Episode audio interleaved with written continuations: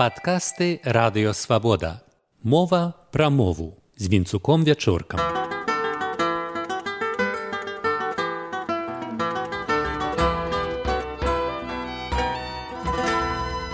Вітаю шаноўнае спадарства ізноў пра незаўважнае багацце беларускай мовы пра выпадкі калі нашым двум тром словам адпавядае толькі одно суседскае скажем расейскае хаця бывае што і польская і ангельская эпоха кампутарных перакладнікаў пакуль не надта спрыяе зберажэнню беларускай лексычнай шматстайнасці На жаль, многім, хто вяртаецца да беларускай мовы, кампутарны перакладнік з расейскай, той жа Google, здаецца хуткім і простым спосабам напісаць беларускі тэкст. Але ў кампутара мазгі механічныя, ён банальна не ведае, што расейская любовь па-беларуску любоў ці каханне, якія спалучаюцца з рознымі словамі. Каханне мужчыны і жанчыны, яны каханкі, а любоў мацярынская, сыноўская, любяць бацькаўшчыну, любяць прыроду. Зрэшты, акурат гэты прыклад ведаюць многія нават не абазнаныя ў нюансах беларускай мовы. Зазначу толькі, што выразнае лексычнае размежаванне паміж словамі любіць і кахаць у беларускай мове робіць яе адметнаю не толькі ад расейскай, дзе любіць жену, але і ад польскай, дзе мама коха дзеці і ад літоўскай, але аб'ядноўвае з украінскай. Кахаць безасабова можна толькі метафарычна, як у гэтым вершы Ніла Гілевіча. Я хожу за каханы у твае краявіды і шапсу як прызнанне о мой край дарагі зноў нясу табе ўсповедь і трывогі і крыты і надзеі і уцехі і любоў і грахі Музыка ігара лучанка спявалі верасы. Хаця цікава, што дзеясловы кахацца і любіцца сынонімы і абодва яны менавіта пра закаханых. Народная песня конь бяжыць, зямля дрыжыць любіліся кахаліся ластаўкі ў стрэсе А цяпер мы расстаемся ягадкі ў лесе. А цяпер мы расстаемся ягадкі ў лесе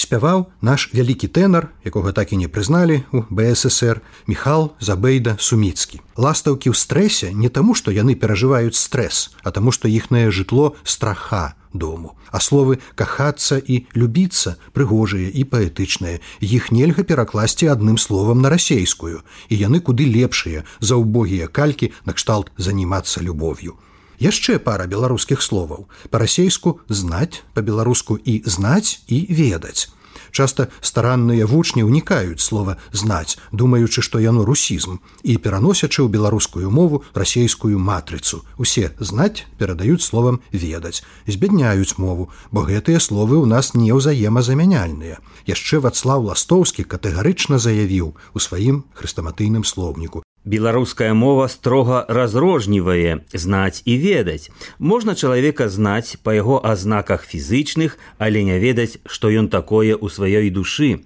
Я не знаю, хто зрабіў, але ведаю, што блага зрабіў, знаць дурня па чырвонай шапцы. А знанне ластоўскі перадае словам веда, навука веду дае. Ян Станкевич показвае розніцу на прыкладах. Мы знаем сваіх людзёў, знаць жыццё, знаць гісторыю, ну дарэчы і знацца на гісторыі, мець спецыяльныя пазнанні, адсюль словы знаўца, мовазнаўца і падобныя. Ян Станкевич працягвае: можна знаць каго асабіста, знаць каго шчутак з выгляду, сабакі яго знаюць. І фразеалягізмы сакавітыя прыточвае. Знаеш ты курыныя цыцкі, то бок нічога не спазнаў, не знаеш а ведаць можна нешта канкрэтнае. Ніхто не ведае, як хто абедае.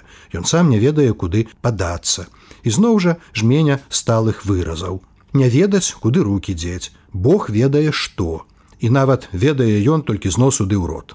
Але да іншых прыкладаў багацця мовы. Сергей Михалок, рамонкі. Зноўбудуюць на дамах Гнёзды парачкі буслоў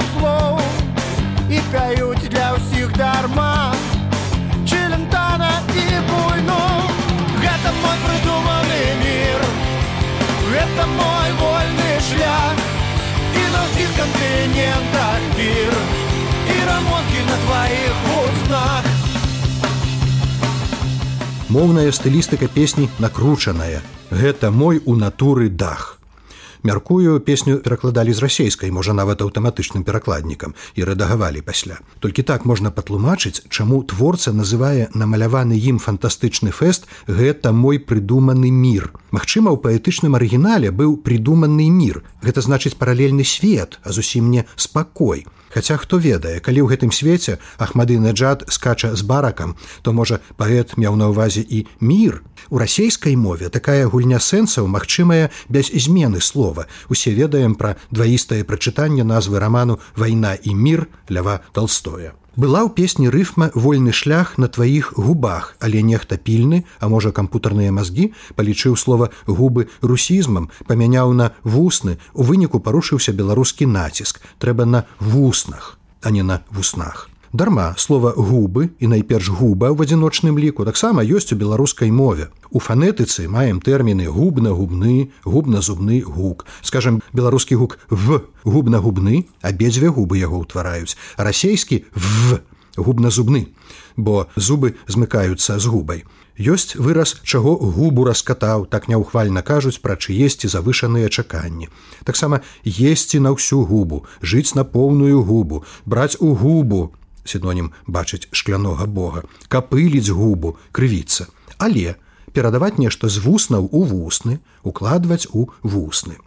Афіцыйныя даведнікі слова вусны фіксуюць толькі ў множным ліку, а ў народна-дыялектнай мове нармальна ўжываецца ў адзіночным ліку, прычым у дзвюх формах: адна вусна і адна вусціна. Аднакаранёвы прыметнік вусны адказ, напрыклад. Слова аднакаранёвае з вусцем. Па праўдзе розніцы ў значэнні двух словаў няма. А можа пара беларускіх словаў губы вусны стылістычна адпавядае расейскай пары губы уста, Вось верш Олега Мінкіна нясвіскія партрэты. І раптам уразіў загадкавы позірк жанчыны ў манерна абражанай позе.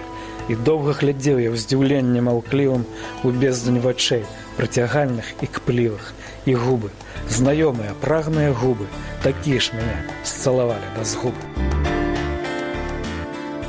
Арыстакратычныя абліччы вымагаюць адпаведнага стылю, і слова губы ў ім аказалася дарэчы то дарма і ляпісы брута ад яго адмовіліся. Мае беларуская мова і не літаратурныя словы для вуснаў. Ёсць дыялектныя ды прастамоўныя грыбы, як дам па грыбах. Грыбаздзіла губасты. Ёсць лупы. Цікава, што ў расейскім прастамоўі гэтае слово можа абазначаць вочы, а ў беларускім вусны. Лупы адквасіў. Лупы адставіць, зафанаберыцца. Лупы надуць, пакрыўдзіцца, лупы адвесіць, стаць няўважлівым, вялым, Дыялектны слоўнік зафіксаваў рытарычнае пытанне з вёскі курапolля пастаўскага раёну. Для чаго лупы ў горадзе красяць? А больш-менш неўтральна слова лупы ўжываецца да жывёлаў. У каня лупы верхняя і сподняя.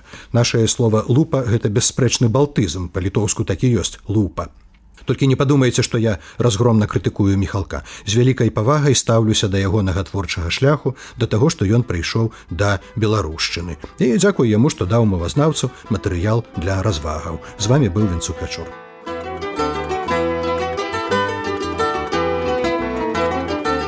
качур выслухалі падкаст радыё свабода усе падкасты свабоды ў інтэрнэце на адрасе свабода кропка орг штодня у у любы час у любым месцы калі зручна вам. Свабода кропка орг ваша свабода. у